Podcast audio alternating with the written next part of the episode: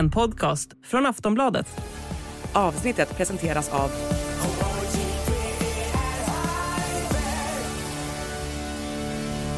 Stödlinjen.se, åldersgräns 18 år.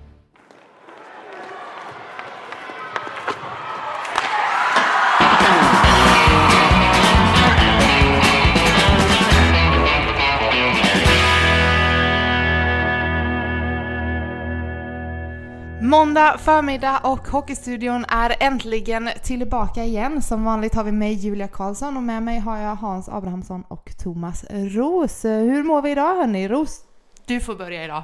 Fanta fantastiskt bra. Vi har fått så mycket cred för programmet förra veckan och vår sånginsats vid HV-låten. Jag har så många som hört av sig till mig och, och, sagt att den där låten sätter sig direkt på hjärnan. Så att jag tror att vi ska ha ett sångtema i varje program. Fan. Kanske kan bilda en trio, trio där va? Trio med Bumba. Det var, bättre. Precis. det var bättre än när vi sjöng för uh, Abris när han fyllde år om andra ord. För då, då har jag för mig att det var riktigt kast. Men vi har steppat upp. Ja, men jag, jag känner ju Abris. Jag vet ju om att bakom den här Kapten Haddock-looken så finns det ju en Ulf Lundell-romantiker. Så jag skulle nog vilja ha, höra någon Ulf Lundell-låt av, av, av Abris. Ja, det kan vi ta med oss till framtiden så ska vi se om vi kan eh, leverera en sådan. Mm, mm, mm. Ja, men jag mår bra.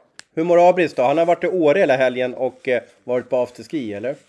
Ja, nej, jag har kört after, after hockey, heter det så? De stängde Okej. liftarna redan klockan tre, så det var ju perfekt att, att, att ta sig in till både lördagsomgången och torsdagsomgången hann man ju med, med god marginal. Så att jag har försökt hålla mig uppdaterad samtidigt som jag har fått lite frisk luft och det har varit toppen. Sen så, jag vet inte, jag, jag landade i, i morse så började ju de här mejlen och, och DMen strömma in lite grann med besvikna supportrar som eh, inte tycker att deras stjärnor ska vara ute och eh, ta en öl på, på lördagen efter en förlust eh, inför ett landslagsuppehåll. Och då kommer jag att tänka på det här. Kommer du ihåg Thomas, alltså vilken uppgift man hade på, om man jobbar söndagen efter sista matchen för ett landslagsuppehåll. Kommer du ihåg vilken huvuduppgift man hade då förr i Ja. tiden? Ja, men det var väl lite så. Det var väl alltid, hände alltid något stök och bök där eh, på den här eh, liksom sista lediga dagen då. Och det är väl klart att de flesta eh, SHL-spelare gick väl ut eller, hade, eller hade någon familjemiddag. Jag såg Jon Knut skulle stanna i Örebro i lördags och, och, och gå ut och göra stan osäker med alla sina bröder där. Malungs, Malungsmaffian gjorde Örebro osäkert då. Så att det, det ingår väl lite att eh, man får ha lite småtrevligt. Ja, man satt och ringde runt till landets polisstationer och kollade om det var, fanns några, några anmälningar som hade skett. Men det var förr i tiden, så håller vi inte på. Så jobbar vi inte längre. Och jag hörde så Brynäs skulle ha en bastukväll eller någonting sånt här tror jag. Som, som en liten avslutning. Det kan ju behövas. Fan, trevligt. Mm. Det blir alltid känsligt när, när ett, lag, ett förlorande lag eh, går ut och festar. Då tror jag det sticker lite Ja. i, i, på stället där de bor då. Eh, speciellt Ja, det om det är- är en hockeyort så att säga. Liksom då, så blir det väl alltid... Brynäs har det väl inte så roligt nu och jag kan väl gissa att, att eh, om, om det var Brynäs här ute i lördags kan jag väl tänka mig att en del supportrar tyckte att ska inte ni vara hemma och träna istället? Eller vila upp sig. Men är väl, så kan jag väl säga att det är ju inga, inga supportrar från vinnande lag som har hört av sig. Utan det är supportrar från olika förlorande lag i lördag. Alltså, som har haft en ganska tung säsong eh, också. Som, har- som har hört av sig. Så att det, det hänger nog väldigt mycket ihop med hur det, hur det går. Mm. Vad, vad, vad ställer ni i frågan då?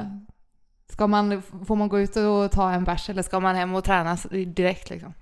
Jag tror att det är upp till individen själv. Om, om han orkar eh, gå ut och, och få höra att supportrar är missnöjda eh, och ändå kan ha trevligt, eh, ja men då, då får väl han göra det. Men, men eh, om han känner att nej men propparna kommer gå, gå på mig så att säga, men då kanske man inte ska gå ut. För att hockey är känslor, känslor är hockey. Eh, eh, och man blir också, om man är ute på en allmän plats så blir man på något sätt där det, där det förekommer alkohol så blir man du blir ju lite utsatt för att det kan ske lite vad som helst. Mm. På tal om eh, känslor, jag tänker vi hoppar in direkt i förra veckans omgång. Vi kan väl börja på eh, stora snacksen, kanske lördagens match mellan Malmö och HV. Det kändes ju som att allt fokus var på den i lördags. Ehm, jag vet inte, tankar sådär spontant efteråt? Uh, old Alltså, school tyck- hockey. Ja, äh, börjar du Abis, du är äldst. Ja men kör, kör du Thomas. Ja, men jag, jag gick igång väldigt mycket på det. Jag älskar ju när det är lite trash talk. Jag älskar Sylvegård. Många tycker han är töntig och så vidare. Men jag, jag tycker att han, han syns där ute i bruset. Han, han står för vad han säger. Eh, det händer så många olika saker när han är med på en hockeymatch. Och nu börjar man ju se fram emot den här äh, negativa kvalet om det nu blir så. Det HV har ju fortfarande en chans, Malmö räknar jag bort, eh, att de ska kunna klara sig kvar då utan kval. Men, men nu har ju Malmö en taktik. De vill ju lite köra liksom det som kanske Luleå körde på 90-talet. De vill skrämma motståndarna. De har märkt att HV är ett ganska eh, småväxt lag. Eh, och, och, kanske med en del som Malmö upplever mjuka spelare. Och det här ska, det här ska Händemark och Sylvegård och, och de andra ja, storväxta killarna i Malmö utnyttja. Att man är fysiskt överlägset eh, HV. Sen om det funkar. Jag vet inte. Jag, jag, såg, jag tyckte jag såg i ansiktet på Emil André där att han var lite störd över det hela. Och att tvingas då möta Malmö då kanske 4, 5, 6, 7 gånger på, på två veckor. Det kan bli tufft mentalt. Ja, alltså man kan ju säga mycket om Sylvegård-bröderna och sådär. Man kan ha olika åsikter om dem och man kan tycka att det liksom är eh, 80-tals eh, stuk på dem när det gäller det här lite snacket de har och, och sådär. Men, men nej, jag skulle inte heller vilja ha de två efter mig sju matcher, i bästa sju matcher i, i, ett, i ett kval där. Och de de kommer att eh, ge allt för att Malmö ska vara kvar i SHL oavsett vilket lag de kommer att spela med nästa säsong. Så att, eh, och i ett kval så blir det, det blir lite andra parametrar som kommer att, att väga in där. Så att, eh, det blir intressant. Sen tycker jag Malmö har spelat ganska bra måste jag säga de sista 5-6 matcherna. Jag, jag, jag tror de skulle vinna mot HV i, i lördags. Och det studsar verkligen HVs väg tycker jag i den matchen. Malmö hade ju jättetryck där i, i, andra perioden. Man hade ett mål som blev väldigt tveksamt bortdömt. Eh, man hade jä flera jättechanser med John Orsius storspelare. Så jag tror jag HV gjorde 3-0 på sitt första skott typ i andra perioden. Och det är klart att den blir ju, den blir ju tuff. Så att jag, jag vill nog fortsätta hävda att Malmö är någonting på gång. Däremot är jag väldigt tveksam till den här målvaktsrekryteringen man har gjort med Brandon Maxwell. Jag kanske får äta upp den men jag tycker liksom, ska man, alltså förändrar man på målvaktssidan, det blir ganska stora eh, proportioner på det på något sätt. Va? För att du, du, det är inte bara att du tar in en målvakt utan du, du sänker ju troligtvis två andra också. En lär du väl nästan göra dig av med och den andra känner att nej, men jag, de känner, jag duger inte liksom att ta in en annan. Och då tycker jag att ska man ta in någonting då så måste det vara något som är riktigt bra. Så man känner att den här killen kommer göra skillnad. Och jag är inte så säker på att Brandon Maxwell efter en bra start kommer att, att, att vara det. Jag tyckte han såg ihål ut, lite konstig positionen också där mot HV. Så där, där är jag lite fundersam på, på hur Malmö har agerat. Eh, man valde ju att skriva korttid med honom och förlänga så de har väl sett mm. någonting positivt med honom. Ja. Och, han, och, han, kanske också kommer in med en amerikansk eller nordamerikansk positiv attityd. Eh, han kanske inte är så alltså, ångestfylld som kanske många andra Malmö-spelare är. Och, och, eh, och så.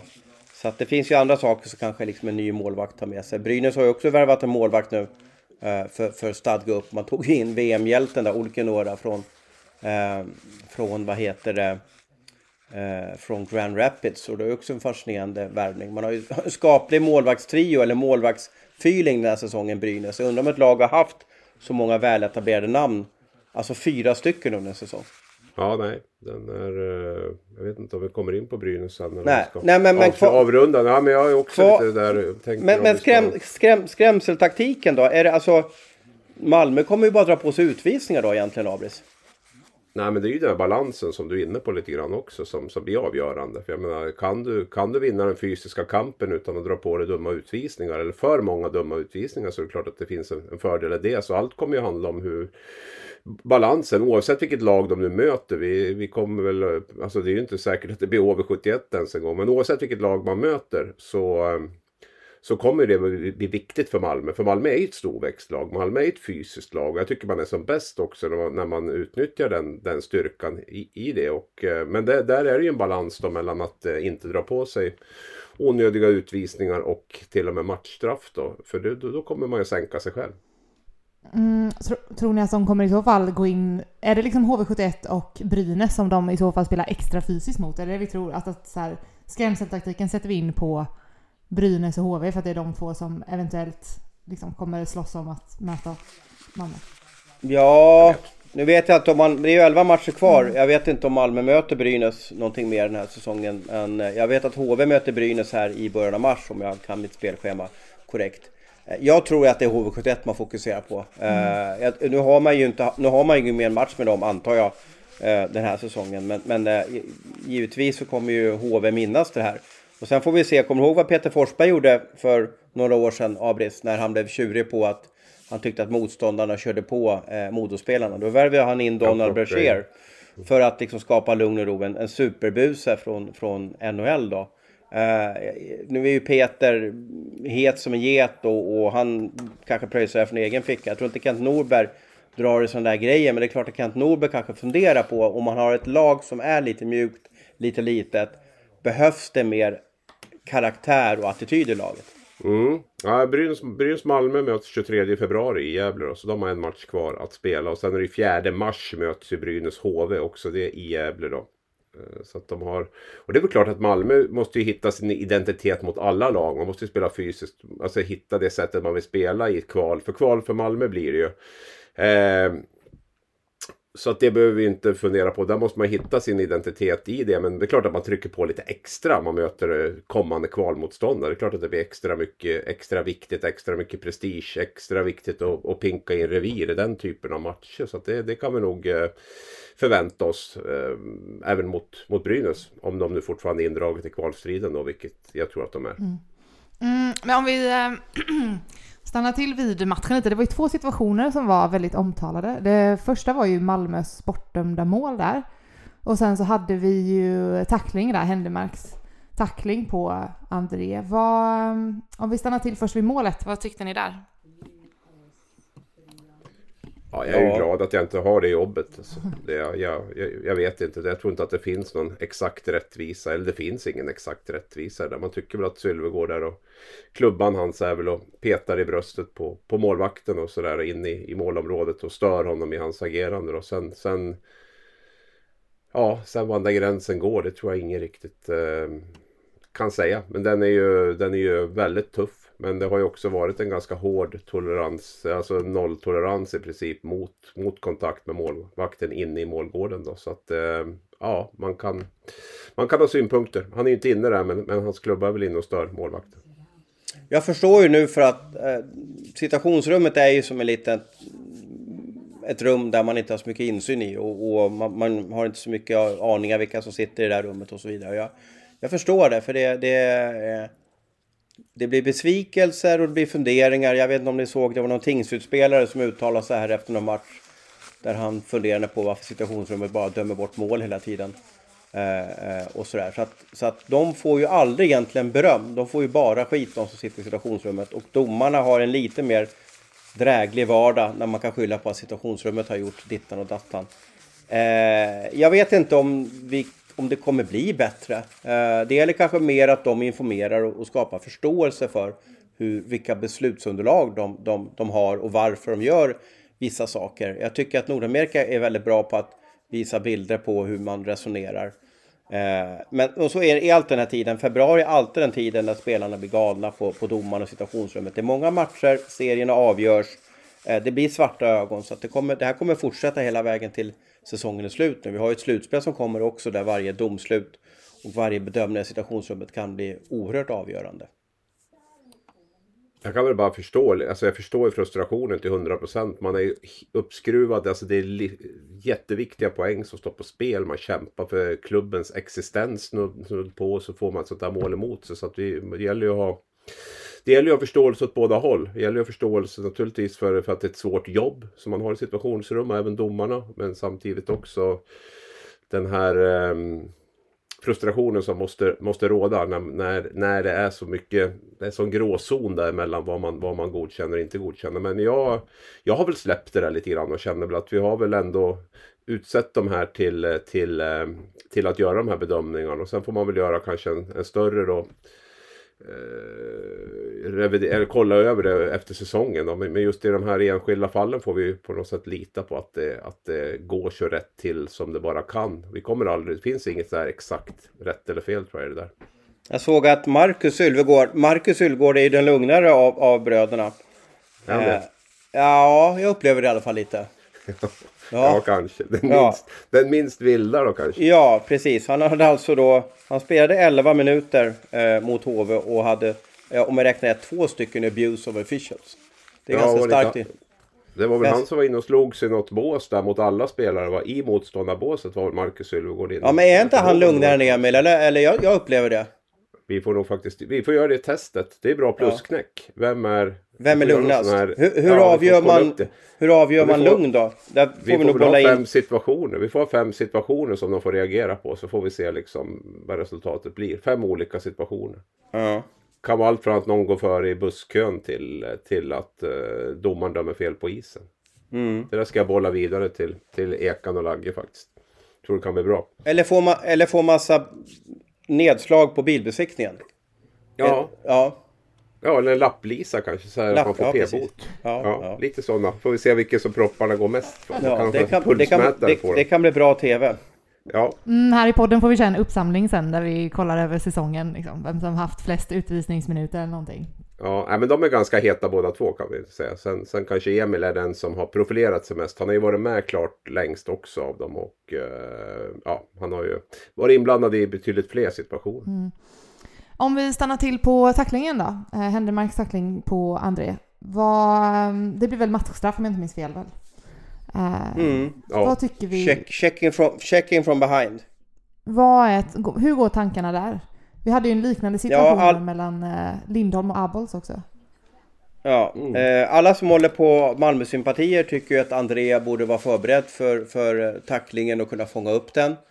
Eh, Händemark är ju en riktigt stor pjäs. Jag har inte hans mått, men det är ju en av de här spelarna som tillhör segmentet större eller, eller XL-spelare i, i eh, SHL.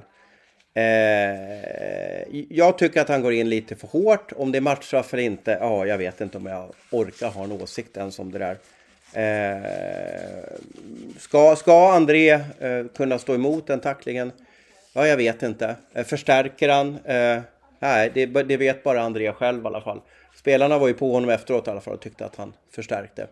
Eh, och sådär. Eh, det är snarlika händelser. Med Abols versus Lindholm så kan jag säga att tacklingen tar väldigt olyckligt. Det ser ut som, jag tror han har hjärnskakning för övrigt Lindholm. Om jag ska killgissa. Och det ska man vara väldigt försiktig med med skador.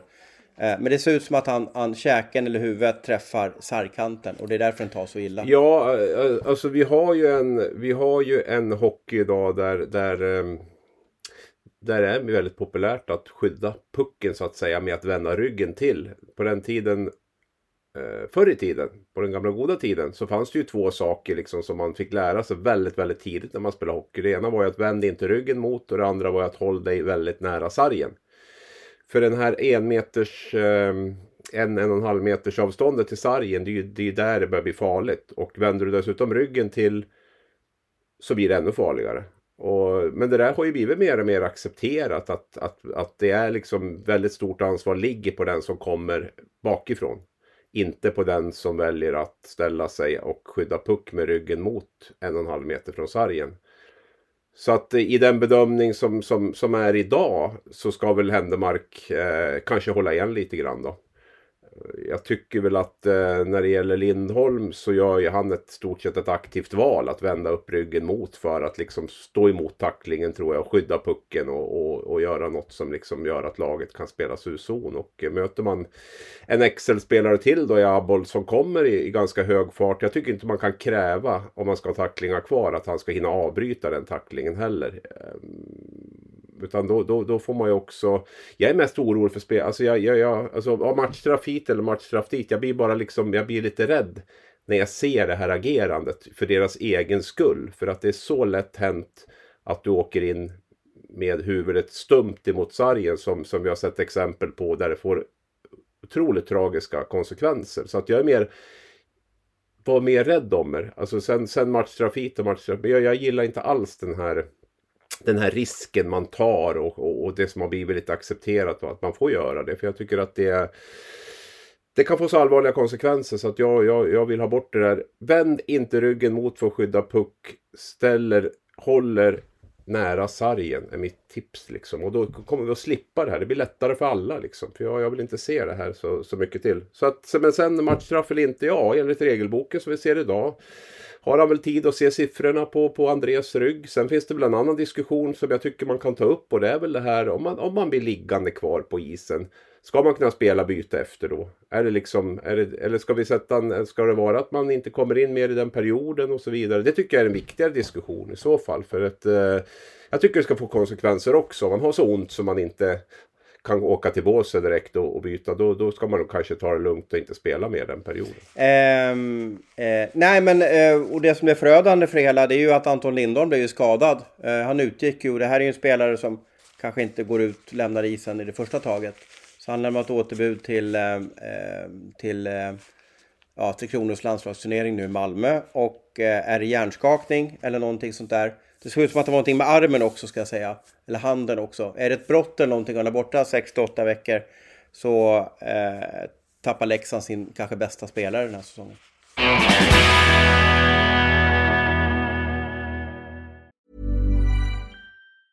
Quality sleep is essential for boosting energy, recovery and well-being. So, take your sleep to the next level with Sleep Number. With a Sleep Number smart bed, you can individualize your comfort level and enjoy a better sleep night after night. JD Power ranks Sleep Number number 1 in customer satisfaction with mattresses purchased in-store. And now the Queen Sleep Number C4 smart bed is only $1,599, a saving of $300 only for a limited time. For JD Power 2023 award information, visit jdpower.com/awards. Only at Sleep Number stores or sleepnumber.com.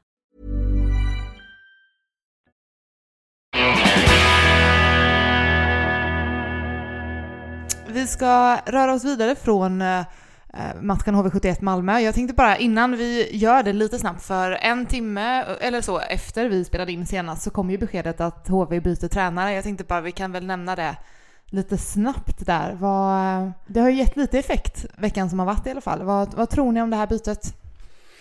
Jag vill nog stanna lite vid bytet också eh, och förklara lite som jag ser vad som har hänt i HV71. Mm. Alltså man har ju gjort precis allt. När, när Malmö ja, tar in en målvakt till eller liksom sådär så gör alltså HV, först så, så gör man sig av med en mängd spelare. Man, man racear hej friskt slänger Elvenes liksom till, till Leksand, skickar Davidssons till, eh, till Finland och så vidare och tar in nya spelare som, som varenda ledig spelare kommer dit.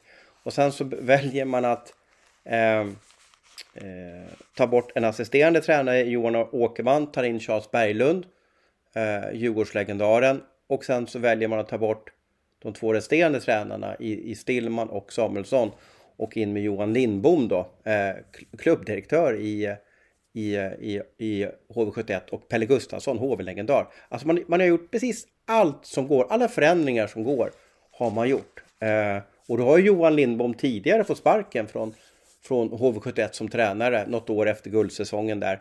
Eh, så det är, en, det är en cirkus som det var länge sedan jag har sett i svensk hockey. Och så blandar vi in också en styrelse HV71 som tycker på ett sätt en ny sportchef för Kent Norberg i HV71 som har flyttat till HV för att få lite lugn och ro. Kanske inte lugn och ro, men i alla fall ja, kommer till ett storlag där han kanske var anonym. Eh, den här cirkusen är värt liksom ett eget dokument vad som, vad som har hänt. Och reder man inte upp det här i HV71 så kommer man också fundera på, alltså kan Nubben sitta kvar? Kan Johan Lindbom sitta kvar? Kan styrelsen sitta kvar? Det var också väldigt tveksamheter runt runt Tommy Samuelsson fick det här beskedet att han har fått lämna. Du pratade om honom Abris. Men det är många saker, eller många som behöver titta sig i spegeln. Har jag gjort allting korrekt den här säsongen i HV71?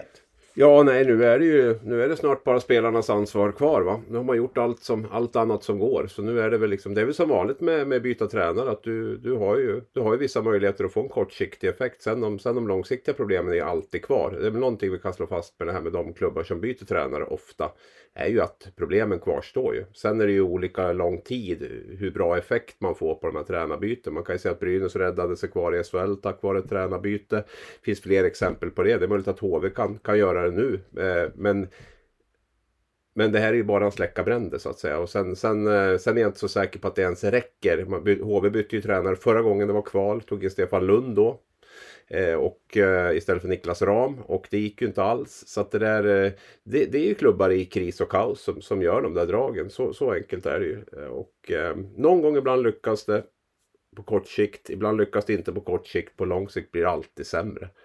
Att, ehm, det är väl det man kan göra. Sen Sen kan man väl säga att de har fått en liten effekt nu. Det vart ju förlust första matchen men sen har man vunnit två matcher nu då. Sen vet jag inte om HV har haft väldigt bra utdelning också. Jag tror man har, man har skjutit klart minst i sektorn under den här veckan av alla lag. Man hade 20 skott på mål mot Malmö, fem går i. Eh, man har ju haft en hög utdelningsprocent i, i haft ett jättebra målvaktsspel i Johnny Ortsi och sådär. Så jag tror det är lite tidigt att säga att det är att det är någon Johan Lindbom-effekt det här. Jag tror att HV har fått lite retroaktivt tillbaks den här veckan kontra att man kanske haft lite lite stolpe ut i vissa matcher där man spelat bättre resultat än tidigare under säsongen. Och eh, det krävs nog lite mer för att jag ska känna att det här är något eh, som, som verkligen har blivit en förändring. Mm.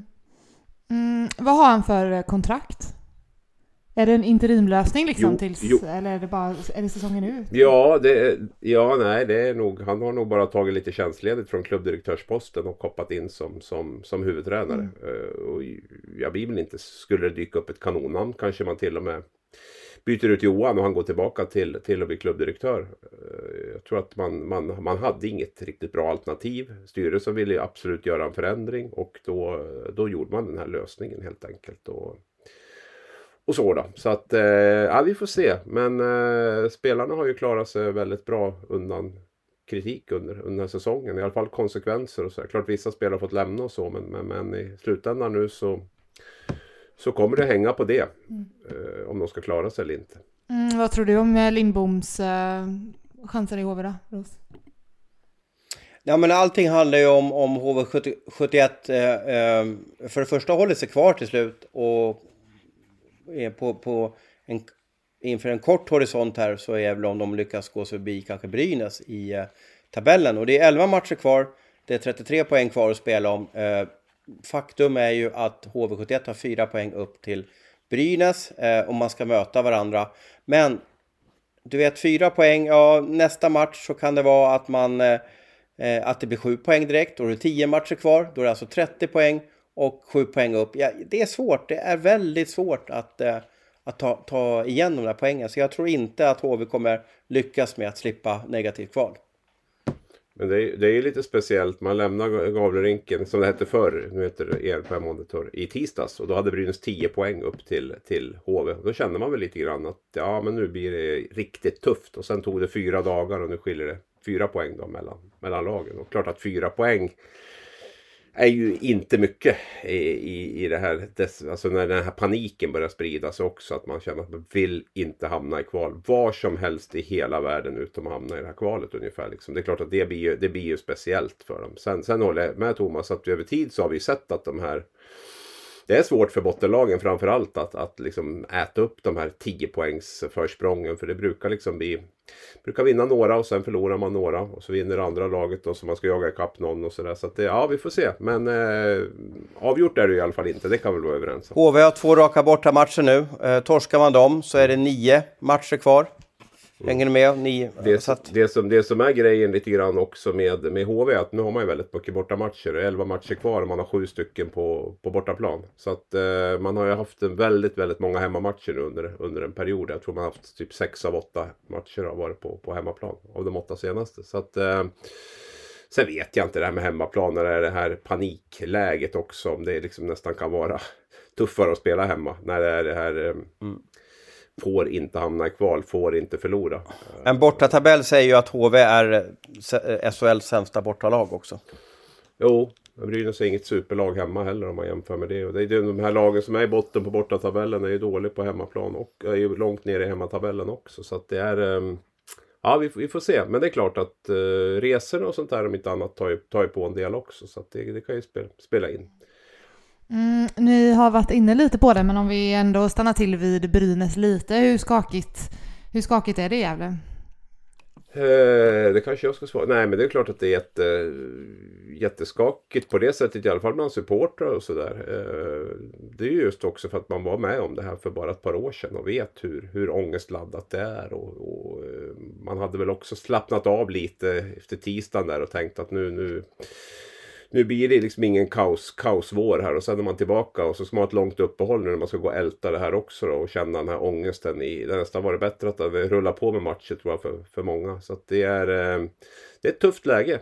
tycker väl inte att man har spelat jättedåligt i de här två senaste matcherna av det jag, det jag har hunnit sett. Eh, men man har ju väldigt svårt liksom att, att göra mål. Eh, jag tror man har gjort sex mål på, på tre matcher här eller någonting de här och det är klart att det blir ju det blir ju tufft. Nu har man ju fått liksom Lindbäck och försvarsspelare har fått mycket kritik. Nu har man ju lyckats täta till det och så, men sen har man för Eh, för få mål framåt helt enkelt. De här nyckelspelarna som har bäst betalt och som spelar avgörande roller i matcherna måste ju producera lite mer än, än det man gör. Liksom. Det är allt med Rödin och Timashov och Kinnvall och, och så vidare. Och att det, liksom det, det är de här matcherna de behöver gå in och göra de här eh, avgörande målen.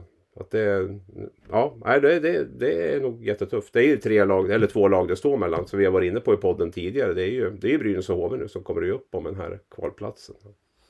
Oerhört häftig värvning i Olkinuora som, som vi minns från dubbla VM-guld och OS-guld. Och i VM med Tammerfors här nu så han förlorade ja. ju inte en match, gjorde han inte. Nej. Släppte Hade, knappt in mål va? Ja, han släppte in en elva i, i, i snitt ja. per, per, match. Så att det är ju en bjässe. Sen har han ju inte i Grand Rapids så släpper han in nästan fyra mål per match. Så det handlar ju kanske om att han passar perfekt in i det finska landslagssystemet. Men som Mikko Manner är tränare där så borde han i alla fall veta hur han tar hand om eh, Jussi då. Eller är det Jusso till och med? Jag måste dubbelkolla. Ju, Jussi. Jussi. Jussi. Jussi Ulkinora. Also known as Juho Ulkinora står det här på Elite Prospect. Mm. Um, men häftig värvning. Eh, eh hur går snacket i Gävle om honom då, Abris? Nej, men man har ju pratat om en håll käften-värvning hela säsongen här. Att man tänker att Alsen ska leverera någon sådan. Ehm, eh, nu, uh, nu kom det ju en, en sån då, för det måste man ju ändå säga. Jag är lite förvånad att Olkinuora, nu vet jag Manne-kopplingen och sådär, att den finns där. Men, men eh, men att man väljer att gå till ett lag som är i, i kris och kaos. Jag menar det fanns väl eh, säkert lag i, eh, högre upp. Eh, till exempel Skellefteå exempelvis. Mm. Som har pratat om. Som behöver fylla på. Det har varit mycket roligare att spela ett sånt lag. Men för, för Brynäs är det ju en skänk från ovan. Jag menar det är ju en toppmålvakt i Europa. Sen ska man ha respekt för att han kanske är lite stukad efter ett misslyckat AHL-äventyr. Han har lagt mycket krut på att komma in i spelet på små rinkar. Nu ska han tillbaka i det här igen. Eh, så att, men, men och, klart för, för ett lag som Brynäs i det läge de är i tabellen och med det målvaktsproblematiken lite grann som man har. För jag tror man känner att Karonen vinner inte många matcher åt oss och Lindbäck orkar inte stå hela tiden. Så är ju det här en, en eh, ja alltså det, det, det ska ju vara bingo liksom att, att, att få in en sån här målvakt. Undrar hur Lindbäck känner sig nästa år då? Hänger du med? Ja, men det här är ju bara säsongen ut. Jo, alltså, men jag känner nästa år att, att liksom, hänger du med? Alltså, tycker han att han har Brynäs stöd? Med, ja, nu tar man in... Ja, min känsla är ju att Lindbäck hela tiden har varit inställd på att man ska ha delat målvaktskap. Det var ju det som var tanken med Väverleinen. Och han var ju en av de som verkligen ville att Väverleinen skulle vara kvar. Att de skulle göra det tillsammans. Men Väverleinen ville ju inte det. Alltså han ville bara därifrån. Eh, så att jag tror att det är klart att nu kommer det in en målvakt från allra översta hyllan men samtidigt så tror jag också att han tycker att det är skönt att det finns avlastning här mot slutet. För att gå in med de elva sista matcherna plus ett eventuellt kval och du känner att vi har egentligen bara en målvakt vi vågar spela. Det är ganska tufft för den målvakten också. Han kommer ju bära liksom hela Gävles eh, ångest på sina, på sina axlar. Liksom. Så att jag, jag tror inte... Och Lindbäck har ju varit en målvakt som har delat väldigt mycket under karriären också det är en bra tid han kommer in när det är landslagsuppehåll och så vidare. Han har inte stått en match. Han stod här, ser jag, på nyårsafton stod han eh, och släppte in ja, tre eller fyra puckar. Jag tror han släppte in sista öppet mål där i, i Grand Rapids. Så att, eh, han är inte jättematchvan, men nu får han ju det här uppehållet på sig att eh, träna upp sig i, i Brynäs. Och eh, håll käften-värvningen är ganska bra. Det är ganska bra beskrivning av det hela. Håll käften, han börjar brukar man prata om, men det här är ju en håll käften-värvning. Mm. Eh, sen är det ju med Brynäs lite grann. Nu hade man två raka segrar där eh, och skulle väl åka till Karlstad och gjorde rätt, ja, helt okej, okay, eller en bra första period. Och sen okej okay, match över stora, man förlorade den och sen förlorar man nästa. Och det här är lite, för jag var, jag var tvungen att gå in och kolla på det här, när vann Brynäs fyra matcher i rad någon gång? Och jag fick gå tillbaka till december 2017 för att hitta en, en, en vinststreak på, på fyra trepoängare. Och det säger ju lite grann om, om, om problematiken. Man har, man har lätt, alltså man vinner en två matcher men sen Sen har man svårt att vinna den tredje och den fjärde vinner man aldrig. Man har någon, någon så här gånger har man ju vunnit tre matcher absolut. Men, men just när man går tillbaka till fyra tre poängar då får man gå tillbaka till, till 2017. Alltså.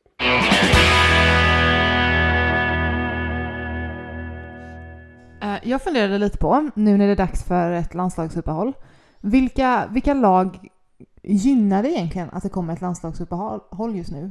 Det är ju väldigt kritiskt läge för många. De som har mycket skadeproblem skulle jag i första hand säga. Typ Frölunda, Färjestad har väl också sliter rätt hårt. Leksand, men de går ju så bra så att det spelar inte De går ju, går ju bättre när de här spelarna är skadade. Um, och så då. Men framförallt de lag som, som har, som har tuffa, tuffa skadeproblem tror jag i första hand att gynna. För det är, det är svårt att spela utan sina nyckelspelare under lång tid. Sen är det väl också vem som tar hand om uppehållet på bäst sätt, det vill säga det diskuteras ju all evighet där eh, eh, om, ett, om ett lag tar ledigt i början av uppehållet eller slutet av uppehållet. Vi hade ju något uppehåll i höstas här där, där många SHL-spelare åkte ut och, och, åkte på semester nästan. Och så kom man tillbaka och förlorade ma massa matcher. Jag, jag, jag, är för dåligt insatt i, i, i hockeyspelares anatomi och vad som är bäst för formtoppning och sådär. Men jag har ju så svårt att se att man kan vara ledig för mycket och sen bara trycka på knapp och, och starta om tio dagar igen. Eh, jag tror att man måste hålla igång på något sätt. Jag hade kanske också velat sett en träningsmatch eller någonting så att man inte tappar farten eller fokuset. Mm. Nu är det ju inte superlångt uppehåll, det är väl tio dagar eller någonting har jag för mig. Va? Börjar man inte redan på tisdagen efter, efter helgerna? Så jag kan väl tycka att match känns det som att det spelar om så otroligt mycket ändå. Så det kan nog vara skönt. Jag tror att det är svårt också att få att det ska ge någonting och få en träningsmatch nu mitt i det här superheta där varje match är jätteviktig så tror jag hellre. Men däremot så håller jag helt med om att eh, snudd på helt avgörande hur man tar tillvara på det här. Hitta rätt balans mellan vila och bra träning och sen också hitta balans mellan vissa spelare har slitit jättehårt. De kanske behöver mer vila, andra spelare har spelat mindre och de behöver träna i kapp. Andra spelare har varit skadade, de behöver än mer träna i kapp. Eh, så att eh, superviktigt hur man, hur man eh, kommer ut ur det här uppehållet. Mm. För det bygger också självförtroende. Kommer man ut och gör två dåliga insatser förlorar så, så kan ju det lätt följa med en bit till. Mm. Fatta om man skulle ha en träningsmatch under uppehållet och sen så blir någon skadad. Det skulle bli ramaskri. Det skulle inte gå att ha det. Ja, och sen en träningsmatch mitt i liksom SHL-tempot och så en träningsmatch man går på lågvarv, man är inte där mentalt vad ger en sån match och så vidare. Va? Men, men eh, eh, Eh, det är väl klart om vi pratar om, om de här lagen som får tillbaka massa spelare och ska sätta nya kedjor, nya backpar. Vi har ju en jätteintressant situation i Leksand som kommer upp här med Cehlarik och, och, och Rohoma och Rivik som alla ska komma tillbaka nu efter uppehållet. Jag menar, hur ska de in? Ska de bara få en plats eller ska de förtjäna en plats när, när många andra spelare som har, kanske ses som grovjobbare går fram och, och blir matchhjältar? Eh, där skulle man, i alla fall om jag var tränare för ett lag där man får tillbaka många spelare så skulle jag vilja ha lite mer tid på mig att sätta eh, eh ett nytt lag. Eh, är han helt klar nu Cehlarik, du som har koll uppe i, i, ja, i Leksand? De säger det, tre, tre eller fyra år då, så det är ett jättekontrakt då. Ja, de, du, det är du som, som breakar nyheter på löpande ja, med, med Cellarik. Så det är du ja, som styr agendan här. Ja, det är precis. dig man vänder sig till nu. Ja, precis. Jo, jag har fått många frågor om den. Som jag hör så är allting klart. Eh, kommer mm. den här veckan. Eh, och ja, den kom faktiskt från ingenstans, Abris. Du och jag, är ju, vi hade ju något silly, sillysvep där eh, förra veckan. Och den här kom ju liksom kvart i tolv, bokstavligen. Eh, mm. Och vi ändrade ju textens innehåll ganska många gånger där när vi förstod att det, det här är ju ytterst troligt. Det kanske, det kanske var för bra grej att gömma ett sillusvep då, men, men eh, som vi lägger bakom betalvägg. Då. Men det är ju en av eh, säsongens stora eh, värvningar. Eh, men jag är osäker på om man gör Leksand bättre, om jag ska vara ärlig.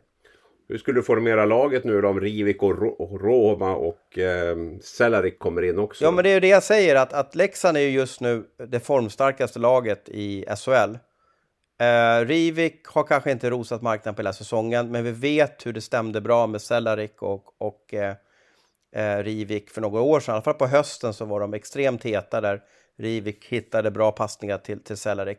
Cellarik står ju lite still och spelar hockey uh, och det funkar ju inte riktigt 2023. Uh, Leksand har ju vunnit sina matcher den här, den här sista tiden, eller 2023, genom att jobba stenhårt över hela isen. Och Kalle Östman har, har ju käkat dunderhonung och, och druckit någonting från, uh, något vatten från Dalälven där som gjort att han, han är ju superhet just nu.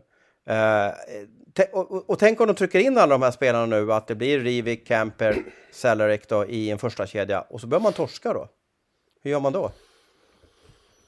Ja, det är lite som Modo va? Mm. Som värvar ihop lite och sen blev det bara, har det bara gått tufft, tungt nu. Så att jag, eh, nej men det är väl bara att, att köra på. Men skulle du sätta in dem? Skulle du bilda en kedja med dem eller skulle du sprida ut dem över, över, över eh, lite någon i varje kedja eller skulle du bänka dem helt, inte spela dem? Eh, jag skulle gå tillbaka till Rohomak, Klås och Lang. Den kedjan känns given. Sedan lider jag ju lite med att, att om inte Kalle Östman får fortsätta med, med, med Carter Camper i någonting som har varit en första kedja. Eh, det vore synd om Kalle. Nu tror jag att han mycket väl skulle acceptera att spela en tredje kedja med kanske Heinemann och, och Ashton Carter. Men eh, du ska in med Zachrisson också någonstans i det här. Eh, jag vet inte, jag avundas inte lagbyggarna i Leksand att få ihop det här också att, och kunna motivera för Kalle Östman när han eh, kanske kommer utnämnas varje veckans lag som finns att han ska spela eh, en tredje kedja eh, eller kanske en fjärde kedja. Jag, jag har, det blir märkligt eh, och sådär. Så att, eh, ja, lycka till Björn Hellkvist. Men det är väl eh, bästa tredjekedjan brukar vinna SM-guld. Det har ju Växjö om inte annat eh, visat upp några gånger och sådär. Ja, jag tycker ju, jag menar den här kemin med Lukas Elvenäs och Kalle Östman verkar ju vara klockren. Så att de, fortsätta med de två i, ihop eh, i en tredje kedja Och eh, mm. sen får man se om man har Heinemann eller, eller om man behåller Carter Camper där eller hur man tänker och, och flyttar över honom. Så det är klart det finns alternativ. Men, men eh, Frågan är hur mycket bättre Leksand blir. Det är också, vi har ju suttit och hackat och gnällt en del på Leksand och Björn Hellkvist också den här säsongen. Att vi tycker inte vi har sett någon energi, vi tycker inte att det liksom gått framåt. Och nu, nu är det ju det man ser. Och det är ju liksom att Leksand har gått från att vara ett stjärnlag till ett hardworking lag och, och har fått enormt bra utdelning på det. Med. De har sju, sju segrar på de åtta senaste här nu och det är väl det finns en förändring också som jag ser det, att det, när, när spelarna jublar, när Kalle Östman jublar och gör mål, så tycker jag att de andra i laget blir genuint glada. Det, de har fått ihop gruppen med att de här mm. doldisarna som Jon Knuts, Kalle Östman, Martin Karlsson har, har ju aldrig sett så här bra ut på, på många år. Jag har en utgående kontrakt också. Eh, det gör ju att man har, har byggt, fått in en glädje i truppen och det kanske man inte hade förut när, när, när eh, det var lite stjärnor som inte presterade och, och de fick istid på istid på istid men de, det hände inte så mycket och då kanske gruppen att det blev lite surt i gruppen. Mm, ja, det är fascinerande med, med gruppkemi och att det fortfarande är ett lag, en lagsport där, där liksom gruppen är viktig. Så det är ja, nej, det är intressant. Men det är fascinerande. Vi, vi har ju gjort massa hockey-tv på slutet av Abris och spelarna, eller sportcheferna säger att det är tunnare marknad än någonsin. Då drar Tjomme Johansson fram Peter Cehlarik från ingenstans. Jo, Jo, det är klart det kommer ju alltid något namn och har man någon koppling så blir det ju lättare. Men Johan Alsen drog fram Jussi Olkinuora också va? och det är ju säkert Mikko Manner-koppling på det och jag skulle tro att Cellarik är en Marek Rivek-koppling på, på det sättet. Plus att han har haft det tufft naturligtvis i, i, i Schweiz där då. Så att eh, det finns ju fortfarande, alltså kontakter ska man inte underskatta heller. Det gör, det gör saker lite, lite lättare. Hade, hade en svensk tränare kört Brynäs så tror jag inte att Olkinor hade kommit till exempel. Men tror ni att eh, Cellarik dök upp liksom, alltså dök hans namn upp från ingenstans och då var det lite för Leksand som är så här, det här är en för bra möjlighet för att inte ta liksom? Alltså så här, kan... Ja men det är ju lite där man hamnar. Det är ju precis där man hamnar. Jag tror Modo kände lite samma sak också. Liksom att det är liksom med, Vela och Brickley och det här heller. Det är lite för bra för att, och tar inte vi han så tar någon annan tar någon annan av våra konkurrenter honom istället. Va? Och, då, då, och så blir man liksom eh, hånad på stan som sportchef om man inte tar de här spelarna och, och lite sådär. Va? Så det, det, det, blir en press i det där. Jag tror inte att man är helt säker på att man, man blir bättre. Men det är klart man får, man får ju en bredare trupp. Man får ju liksom lite mer marginal om det blir mycket skador. Men blir det inte skador då? Då sitter du där med, med rätt många spelare som är missnöjda. Eh, en del spelar inte alls, en del tycker att de spelar för lite eh, och, och så vidare. Och det där det smittar av sig. Det är som Thomas säger också, bara en sån liten detalj som det här med att man jublar mer liksom när, när vissa gör mål än andra gör mål och sånt. Det, det, det står ju för någonting. Va? Och, eh, sen tycker jag det är lite fascinerande med Malmö som, som ratar Östman. Att till och med köpte man ut honom till och med från kontraktet. Eller, eh, alltså han fick inte vara kvar där i alla fall. Och dessutom Oskar Alsenfelt. Eh, som han också gjorde sig av med. Så det är klart att det är lätt att sitta med facit på hand och vi vet inte hur det hade blivit med dem. Men det känns väl som att det kanske inte är de två bästa besluten Malmö har tagit i, i klubbens historia. Mm. Uh, hade ni velat se Cehlarik i någon annan grupp? Eh, någon annan uh, trupp? Ja, det var det man funderar på hur det gick till där och, och det är väl klart man skulle vilja se liksom Facebook-kommentarerna eh, om Cehlarik blev klar för Brynäs, vi säger det. Då hade det bränt till ganska mycket eh, bland kanske både Brynäs-fans och Leksands-fans. Eh, så det gör ju att, att jag, jag inte säger att Leksand är tvingade att ta tillbaka honom, men det blir väldigt svårt att tacka nej till honom. Eh, och det här det är ju säkert en, en hur ska man kalla det för, joint venture, eller alltså det, det är ju både SOK då som tycker att kanske Sellerk inte levererar. Eh, han var ju nära Leksand eh, redan till den här säsongen. Eh, och så. Så att eh, det var nog ett svårt läge. Eh, och sen så sitter ju Leksand nu i ett av de här lagen som betalar mest för spelare. Eh, och det vet ju agenterna. Eh, och nu gjorde man ju av sig med, med Quenville som man fick, som man fick eh, loss också en av de här finare campingstugorna ner mot Siljan. Och det var ju för att liksom kratta manegen för, för Sellerik så att han kan bo bra när han kommer hit då med, med, med, med, med hans fru då. Eh, och jag tror att man får pröjsa, om det är tre eller fyra år nu, jag tror att man får pröjsa big time för honom också. Och det är säkert samma upplägg som med Mark Rivik, att man lägger en tung eh, sign-on-bonus nu. Eh, och sen en ganska, eller hyfsat låg lön de här kommande åren. Mm, på tal om Quenville, det var väl ganska väntat att han inte skulle vara kvar i Leksand? Eh, ja. Jag såg, jag, jag, såg honom på någon sån skridskoträning där med, med Mark Rivik och, eh, uppskattade att han kanske åkte 30 av vad han kunde. Så han hade nog bestämt sig för. Jag tror att familjen ska till ökning också så det passar nog bättre kanske att bo i Kanada eh, för honom. Eh, det, det vart inget bra förhållande.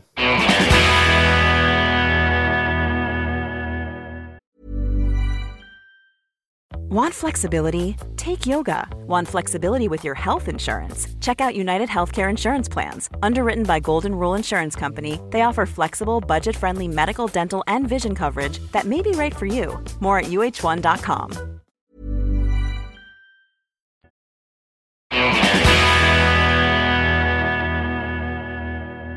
Om vi eh, tittar lite till på tabellen. Jag Gud, jag tycker det känns som att allting är väldigt upp och ner nu. Vissa, att man vinner en dag, förlorar en annan dag.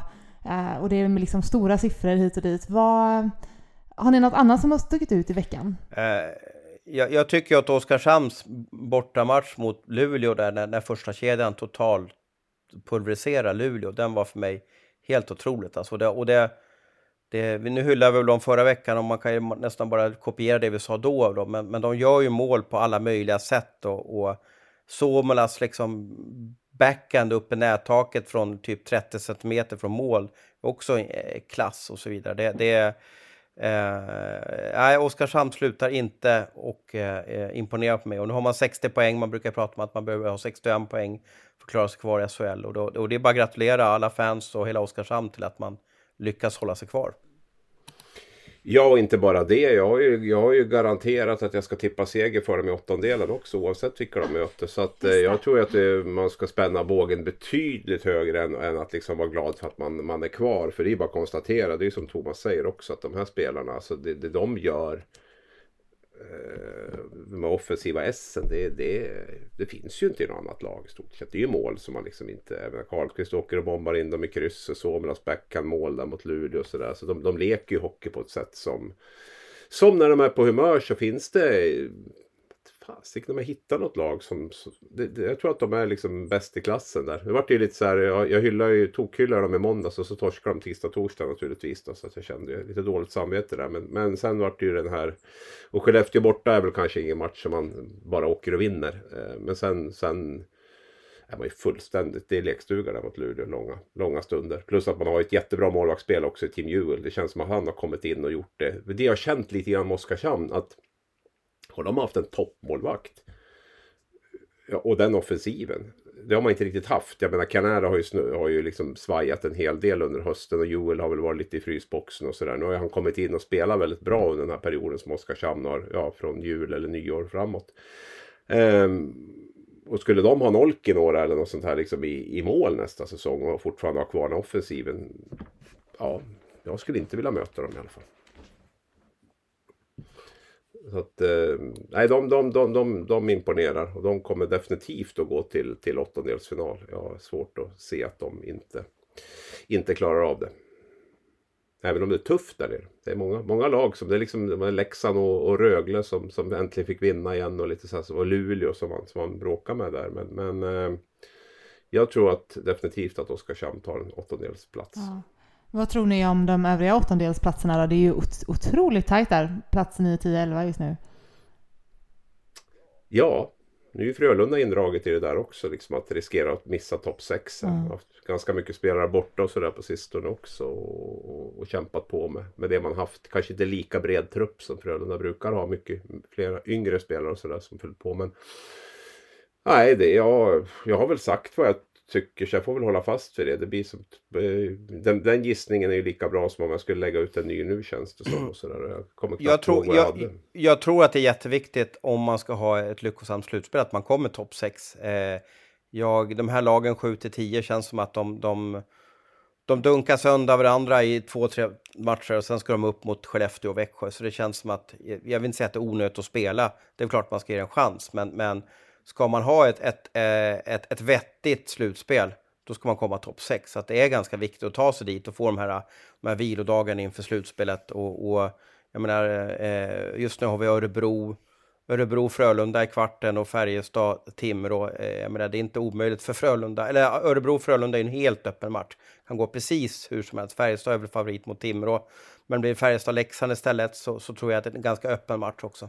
Och um Ja, nej, jag, jag, tror, ehm, jag tror... Sen är det som vi var inne på, liksom, Leksand har vunnit sju av åtta nu, lite som Thomas sa också med bottenlagen. Att klarar man att fortsätta stapla, för nu har man liksom, man, har ju, man var ju så långt ner så att nu har man ju tagit sig upp där. Frågan är om man orkar hålla det här poängsnittet eller om man kommer få en dipp liksom, rent poängmässigt. Och, vilket gör att man får tufft att nå topp 6 på, på grund av det. Eller om man bara kommer att fortsätta alla mod och vinna 16 matcher i rad eller något sånt här typ. Eller i alla fall 15 av 16. Då. Så vi får väl se, men det känns som att de har bränt av rätt mycket segrar här nu under en, en period för att liksom ta sig dit man är idag. Det, får, det kan bli, bli tufft att fortsätta stapla segrar kanske. Eh, så det är väl deras, deras minus. Sen tycker jag ju liksom att eh, Skellefteå är häftigt att följa på något sätt. De, de, de bara trummar på. Vi, liksom det, det är, ehm, um, man bara vinner och vinner och vinner. Eh, sen torskar man någon match emellanåt och sådär. Men det, det är en oftast och sådär. Sen, sen staplar man lite segrar igen och, och bara håller i. Jag har ju pratat om den här boxplay-statistiken som de har tidigare i podden där nu. Och nu är man uppe i nio mål i, i boxplay. Man har gjort nio mål framåt när man har spelat boxplay. Släppt in 22. Eh, så att det, ja, de är bra även, även där. Så att. Eller de är farliga offensivt även i, i boxplay. Så det är ett tufft lag att möta. Jag såg dem här i ja vad var det, tisdags kanske va? Brynäs mötte dem och det var ingen av deras bättre matcher, absolut inte. Men de spelar ju i ett tempo som är så högt så att det blir jobbigt för motståndarna att stå emot hela tiden. Man trummar ju verkligen på. Liksom. Det, det, är, det finns inga... Du får inte så mycket luft, du får inte så mycket vila eh, som motståndare där. Och, och extra kul tycker jag se Jocke Lindström också. Var han 39 nu Thomas? Eller var han Alltså det, han har väl ja. piggare ben än många 20-25-åringar på, på, på, den isen där och det tycker jag är eh, så häftigt att se. Du ska väl också nämna Oskar Möller. Han är, han är inte 39 men han är väl född 89 så han är väl, vad kan han vara då, 33 år eller 34 någonting sånt där. Uh, men han ligger ju på plats 29 i målligan trots många år i Nordamerika, 100, gjort 181 mål. Haft en bra session nu på slutet också i, i Skellefteå. Det, det är kul när de här som liksom, när de inte ebbar ut och bara försvinner bort utan att de nästan gör säsongsbästa då. Eh, och man älskar ju sitta och räkna här då hur, hur, eh, ja, hur långt Möller kan ta den här all time-listan. Ligger på plats 29 nu då. Eh, Jocke Lindström ligger på plats 21 och Joel Lundqvist ligger på plats 15 i alltså alla tiders poänglista. Det är de tre som är aktiva och som håller på nu. Uh, jag vet inte hur länge Möller orkar spela hockey. Jocke Lindström är ju ett unikum och Joel Lundqvist också. Men, men intressant att se. Sen är det ju målskyttet för uh, Möller där. 181 mål också som imponerar. Gör han 10 mål till så är han uppe på topp 20 och på samma notering som Erkilaine. Ja, det, jag gillar ju sånt här med statistik. Jag, jag hamnar ju oftast på Elite Prospect när jag går på avträdet då. Eh, och då kan jag bli sittande där inne i 30-40 minuter och kolla poängligor och, och minnas namn och, och, och kolla målsnitt eh, och, och så vidare. Och sen, jag tror inte folk riktigt förstår hur mycket jobb det krävs av de här, alltså i träningsmängd för att vara så, så bra Eh, i, i den åldern också. Nu är ju Möller visserligen 33-34 men Lindström alltså. Och hur viktigt det är. För jag menar de här kan jag garantera att de tränar hårdast av, av alla snudd på där uppe. Va? Och vilka, vilken kravbild man sätter då på de andra. Att liksom de äldsta spelarna, de bästa spelarna tränar, tränar hårdast. För att du, du ser inte ut sådär på isen som de gör om inte du har eh, eh, var extremt noggrann med, med, med fys och isträning och, och allt vad det innebär. Så det, det är ju guld värt för, för en klubb som Skellefteå har de här eh, role modelsen som, som de är. Och det, det, det, där är många lag som kan vara avundsjuka. Mm. Vad säger vi då? Tror Jocke Lindström kör ett år till? Eh, han valde att förlänga ganska sent förra året. Ja, varför inte egentligen? Jag fattade som förra året att han tappade lite lusten och sådär. Alltså det var inte, ja men lite grann att inte han tyckte det var liksom. Jag tror att för honom tror jag det är extremt viktigt att vara med och tävla om, om guldet. Uh, vara med och vinna.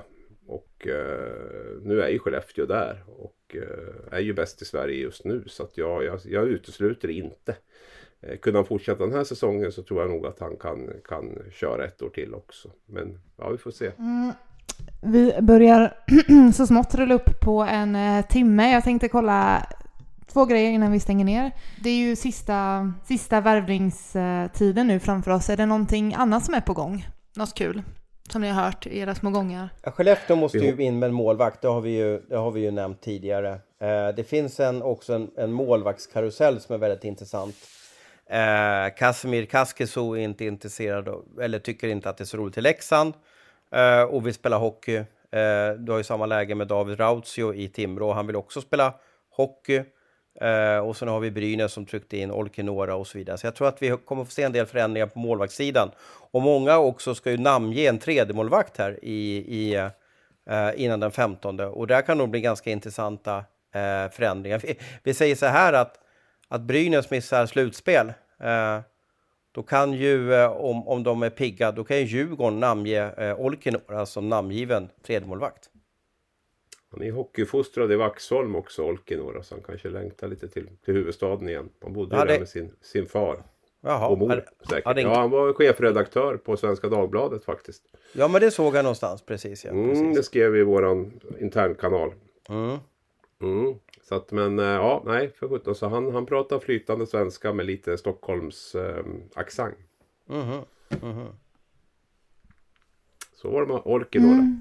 Nej men vi, vi, vi håller ju på det, det som Thomas säger. Sen tror jag så här. Vi är lite sådär också. Vi håller ju våra kort rätt tätt in till bröstet på något sätt. Så här innan vi vet att det är hundra klart. Det är dumt att bjuda ut dem till, till, till eh, eventuella konkurrenter. Men, men jag tror så här. Rent generellt så tror jag att eh, det kommer att hända mycket sista dagarna. Jag tror att man håller ju på håller ju på spelarna in i det sista om man nu ska släppa någon så man ser att det inte blir några fler skador eller att han kommer in och gör det bra och så, och så vidare. Men så som Tyler Wessel i HV till exempel, vad, vad, vad kommer han att och ta vägen. Jag tror HV vill vänta in i det sista. Lukas Wernbloom i Malmö, Tommy Karonen som, som Thomas var inne på där i, i Brynäs. Om det nu är någon, någon om det är intressant för, för, Allsven, eller för SHL ens en gång, jag vet inte. Jag tror att det kommer att det är kanske dumt att agera nu. Eh, bättre att vänta fram till 13, 14 och 15 februari. Då vet man ändå lite mer. Har väl till och med hunnit börja spela någon, någon match innan också. Så, där, så att eh, se vad man har och, och, vad man kan få in. Och så. så det är väl mitt, mitt, eh, mitt stalltips. Ja, spännande ändå. Om en vecka så kanske det börjar dundra in lite nyheter med andra ord. Ja, precis. Det kommer nog att komma någon så här nu. Men jag tror att det, kommer, det, det, det mesta kommer nog att ske sista, sista dygnet. Mm. Vi ska avsluta med eh, något som vi körde igång med förra veckan, veckans lag. Är ni mer förberedda idag? Äntligen! Ja, ja marginellt mer förberedd, men jag tänkte jag litar väl på Thomas. Se om ni kan vara överens idag också, eller om det... Se vad som händer. Ja, se om vi kommer överens. Börjar på en... målvaktssidan där. Vad tänker du där då? Är det, är det, är det Ward och Jakob Johansson eller vad, vad känner du för något? Ward har ju bara en seger visserligen. Nej, för mig är det Johnny Ortsio faktiskt, måste jag säga. Det är ju ja. han, klart mest räddningar den här veckan. 102 räddningar, två segrar. Eh, jag tycker väl han var den stora skillnaden mot Malmö och sådär. Så att i det läget HV är i nu så tycker jag väl att det är eh, odiskutabelt med Ortsio faktiskt. Mantas Armalis har tre raka segrar. Mm. Ja, men jag, jag vet inte, jag tycker inte att HV har ju... HV har släppt till, jag tror bara Linköping som har släppt till mer skott in i sektorn också den här veckan. Eh, man har skjutit väldigt lite framåt. Så att... Så att eh, eh, jag, för mig är det Ortsio i alla fall. Men, men, eh, ja, vi tar Ortsio. Vi tar Ortsio. En räddningsprocent på 96, då ska man nog vara, då ska man nog vara målvakt i veckans lag. Ja, två segrar också. Det är mycket för HV i alla fall. Backar? Ja, backarna Thomas, så får du hugga en. Ja, jag börjar ju fundera lite på eh, Kaski, HV71 gillar jag. Nu kanske det blir mycket HV71 här då, men, men jag vill nog tycka att, att Kaski ska vara med i alla fall som, som en back där. Jag tycker han, eh, han gör det bra. Ja, nej, men det är offensivt. Han är skicklig. Har ju ett bra skott, måste man ju säga. Och så där. så att sen har han väl kanske lite, lite brister i egen zon. Men okej, okay, jag köper det. Ja, det sex, sex, sex poäng på fem matcher. Ja, Nej men alltså det blir lite, lite samma, lite liknande spelartyp då. Så en högerfattad offensivt nu, nu, nu kan vi inte, vi får, in, vi får inte ta HV nu i alla fall, eller hur? Nej, nej, kan, nej, det kan jag lova. De har ingen mer högerfatt, högerfattad skicklig back. Så att det är ju... Så att nej, jag, men jag tycker väl Jonathan Pudas får lite för lite eh, cred faktiskt nu på, på sistone här. Så att jag, jag, är, jag är inne på, på att lyfta in honom. Det är ändå liksom bästa backen i bästa laget. Och han spelar väl sina 24 minuter eller vad han snittar den här veckan och, och gör. Öser inte in poäng men gör ändå poäng och sådär. Så jag tycker att han... Eh, nej, jag, tycker, jag vill ha med honom på något sätt där. Och, eh, så vi får köra Pudas och Kaski då. Mm. Kedjan, vi har väl en spelare som är övertygad om, om, om, om det inte ja. så att någon, någon av oss har rökt bly då. Rökte du bly uppe i år eller höll du borta från det eller? Nej, jag har aldrig testat det där med bly faktiskt. Nej. Eh, inte nu heller, ska jag nej, säga. Jag har nej. inte rökt bly nu heller. Så att, men jag lär väl prova det någon gång, för du pratade varmt om att röka bly. Där, så jag ja, men då, då blir jag, jag kan gissa att det blir till, till till huvudet om man gör det i alla fall. Ja, du har inte gjort det heller eller? Nej, precis, precis. Nej, okay. Jag, sniff, jag, sniffade nog bensin när jag var 13-14 år, jag vet inte om... Men, men det jag försöker komma till är att det finns ju en spelare som är tokgiven. Och det är ju Karl, Karl den XII. Eh, håller du med mig om det eller? Ja, vi är helt överens där. Det, det, han, ja, det är odiskutabelt, heter det. Ja, och det är ju Kalle Östman jag, jag, mm. jag tänker på så att säga. Eh, sen vill jag nog ta med, jag blev så fascinerad över Eh, så, har ni sett Ole Palolas eh, mål där? Eh, I Timrå där. Eh, hans, hans slagskott från eh, innanför blå. Absolut. Ja, ja det vart jag fascinerad Så jag, jag vill nog ta med Palola också och sen Oskar Möller tar jag. Ja, du tog alla tre sådär bara. Ja men okej, okay, men det är mina. Du får väl också tycka till. Men Karl den XII... Vi ska ha ett veckans lag här. Vi ska ha ja. ett veckans lag. Jo, men Karl ja. den XII är, är, du väl med på. Men sen kan du väl få ja. diskut diskutera de andra två då. Ja, men nej, men vi, vi, vi tar väl dem då. Jag hade lite kandidater där. Men det, ja, men nämn, det, nämn dem då. Mm. Nämn dem då. Ja, jag, alltså, jag, jag kan inte släppa Karlqvist på något sätt. Liksom. Jag tycker att han är så jäkla häftig. Och jag vet inte, förra året så... Jag vet inte hur viktig han är för de andra heller. Men han lyfte ju Rosdahl och Olofsson till himmelska höjder förra året. Och nu är Somela och, och Oksanen liksom... De är ju bra, men alltså han... han han gör många spelare runt sig bättre också. Så är han ju så cool. Han åker ju bara runt liksom i sitt eget tempo. Lite sådär eh, företagshockey typ känns det som att han lirar. Och så bara eh, levererar han saker som, som ingen annan i närheten av i den här ligan. Möjligtvis eh, Somela då kanske som, som är på skicklighetsnivå där. Så att jag, jag, jag, jag är ju svag för Lenne Karlqvist måste jag säga. Jag tror han spelar så här nästan 22 minuter snittar han också som forward. Det är det är mycket. Mm. Um, så att um, ja, nej men eh, alltså det, det, det är väl en, en spelare jag, jag äh, vurmar lite extra för. Men, men det kan vara svårt att, att få in honom där. Vem hade du med en Möller sa du? Olle Palola. Men, men Palola, tog, för att ja. han gjorde ett snyggt slagskottsmål. Ja, ja, och jag tycker, jag tycker att Karlqvist så... har gjort 30 sådana här snygga ja. Men då är Palola ny, jag vet inte, vi har pratat om honom och kanske inte riktigt var så jättehög på honom. Han har inte alls rosat marknaden i Finland. Många trodde att bäst före-datum gått ut på honom. Eh, och, slå, och, jag vet inte, att bara pricka krysset med ett slagskott så där långt utifrån. Jag, jag tycker det är urhäftigt. Eh, han kommer också från en period i Finland där han liksom har varit iskall. Eh, och spelar 11 minuter per match. Han får inte mycket speltid i, i Timrå. Eh, häftigt, hur häftigt som helst. Mm. Ja, vi får, vi får, vi får ha de, de fyra, eller vi får, vi får komma överens om att eh, vi, kör på, vi kör på Thomas linje då, så får läsarna höra av sig om de tycker eller, eller, så kan vi, eller så kan vi säga att vårt lag spelar 6 mot 4, så vi tog ut och satte in en extra forward i laget. oh. ja. Eller 6 mot 5. Ja, precis. Mm, och tränare? Ko tränare då? Nej, det måste ju bli Björn Hellkvist på något sätt va? Jag, jag tycker det. Jag, han har fått en del skit eh, under säsongen och jag har verkligen funderat på om han är rätt man för Leksand och sådär. Så att eh, det har ju visat att han kanske, det är ett sånt här typ av lag han, han ska ha för att liksom, eh, och de flesta kanske ska ha för att, för att nå framgång. Att man är ett jäkligt hårt jobbande kollektiv. Det Björn och Leksand har gjort också, det är ju att man lyckats, inte vända, jo men vända gjorde man kanske mot Örebro, men mot Rögle i alla fall vinna i slutminuterna. Det är ganska svårt och han har ju haft då lite matjord i fickorna när han satt in rätt spelare. Eh, och, och allting har ju liksom, den taktiken han haft i slutskedena har ju lyckats. Eh, både mot Rögle och mot eh, Örebro. Så att man får ju ge honom att han har hittat han har hittat rätt med spelarna nu och sen den här glädjen också som man kanske saknat i, i Leksand, den, den finns ju där.